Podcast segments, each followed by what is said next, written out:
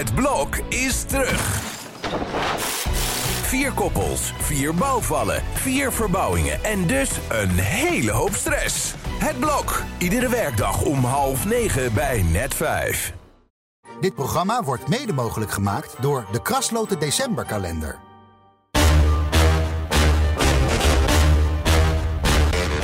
Dit is Strikt Privé, de dagelijkse showbiz-update met Evert Zantegoed en Jordi Versteegden. Herken je hem nog, deze tune? Na al die tijd? na al die tijd. Het is inderdaad uh, anderhalve week geleden dat ik hier met je zat. En Nou. Het was helemaal niet de bedoeling. Ik zou twee dagen naar Wenen. Nou, daar ben ik ook geweest. Alleen toen zo beroerd teruggekomen. En dat kan niet aan Wenen liggen, want dat was wel weer heel erg leuk. Maar ik had corona. En ja, als je dat op... eh, oh, dat is toch minder ver weg dan je denkt. En de rest is ook minder ver weg dan je denkt. Want ik zet dat op Facebook. En dan krijg je meteen weer van die reacties van... dat bestaat helemaal niet. Ik denk, oh, god, begint het weer. Nou, kom lekker naast me liggen, meid, denk ik. Dan weet je ook wat het is. Maar, Ja. Ja. ik was wel echt even een weekje van de wereld, ja. Je bent er weer bovenop. Ja, Fijn dat je er weer bent. We hebben je gemist. kleine kikker in de keel nog. Dat wel, maar dat hoor je bijna niet, joh. Hè, we zetten er gewoon een processing op en dan valt het allemaal niet zo It's op. not easy to be green. Zullen we de draad dan maar weer eens oppakken? Laten we Ehm, het doen. Nou ja, het- wat gebeurd? Nou, er is van alles gebeurd. Ik heb net even zeven pagina's uitgeprint van Geert Hoes. Dat is wel een dramatisch verhaal. Dat is geen corona. Die Nee. blijkt al 2,5 maand in het ziekenhuis in Leiden te liggen. Met eh, verschrikkelijke diagnoses. Aanvankelijk. Men dacht dat het alvleesklierkanker was. Of eh, ja, iets soortgelijks. Fataals. Ja. Meestal. En eh, dat is het dan niet. Maar hij heeft wel een of andere bacterie, parasiet opgelopen. die in zijn lichaam zit. En zijn halve lichaam aan het opeten is. Hij plaatst er ook wat foto's bij op zijn Facebook. En dan zie je inderdaad wel dat hij kilo, tientallen kilo's is afgevallen. En dat dat een hele strijd geweest is. Maar hij is er nog. En de vooruitzichten zijn voorzichtig positief. Dus ja, maar het is voor hem en zijn jonge gezin natuurlijk wel een enorm drama. wat zich de afgelopen maanden buiten het zicht van iedereen heeft, eh, heeft afgespeeld. Ja, als je het zo leest, dan was het ook af en toe kantje boord. En de artsen weten eigenlijk ook niet zo goed wat ze ermee aan moeten geloof Nee. ik. Omdat het zo'n uniek virus is, Ja. zeldzaam virus. Nou, laten we hopen ja, dat hij snel weer uit dat ziekenhuis komt. En ehm, nou ja, laten we ook hopen dat hij de volgende keer wat korter kan opschrijven. Want ik, ik heb wel even de hele ochtend zitten lezen. Zeven Nou. pagina's. Jordi, een heel medisch dossier stuurt hij. En Ja, nou, het ligt op kan, tafel. het, kan het niet wat bondiger, zeg jij dan? Ja, kan. Nou ja, goed. Eh. Nee, Nee, ik heb wel medelijden, maar het is zo'n lang verhaal. Nou, eh, sterkte, mand, Ja. kort. Ja.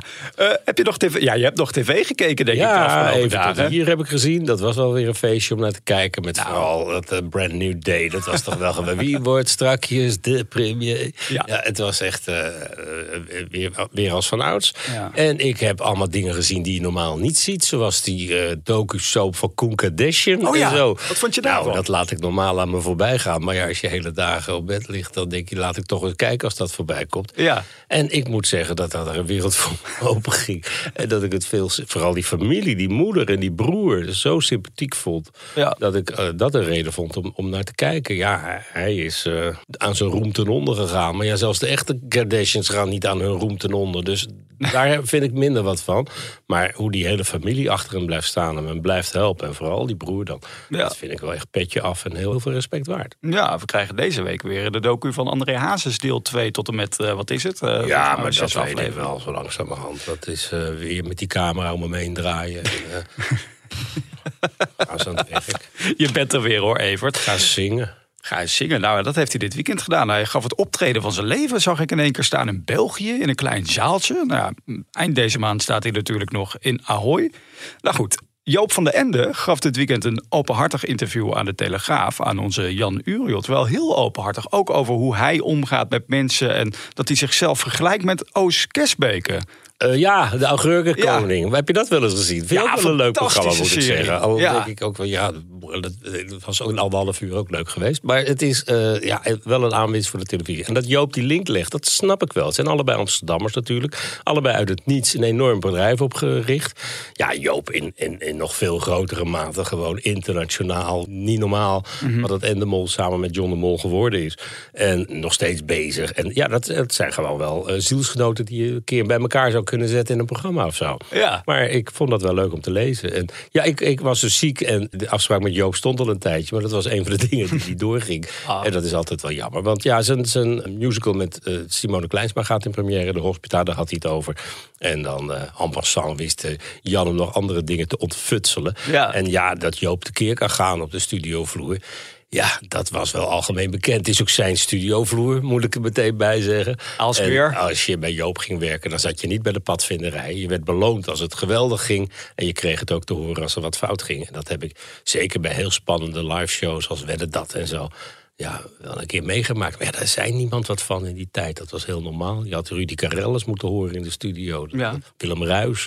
Dat waren echt studiobeulen in een tijd dat eh, zich, ze zich dat nog konden permitteren zonder dat ze een jaar thuis zaten. Hmm, nou, uiteindelijk is het volgens mij belangrijk dat er een goede balans is. Wat jij zegt tussen eh, dingen zeggen die goed gaan en ook dingen zeggen die verkeerd gaan.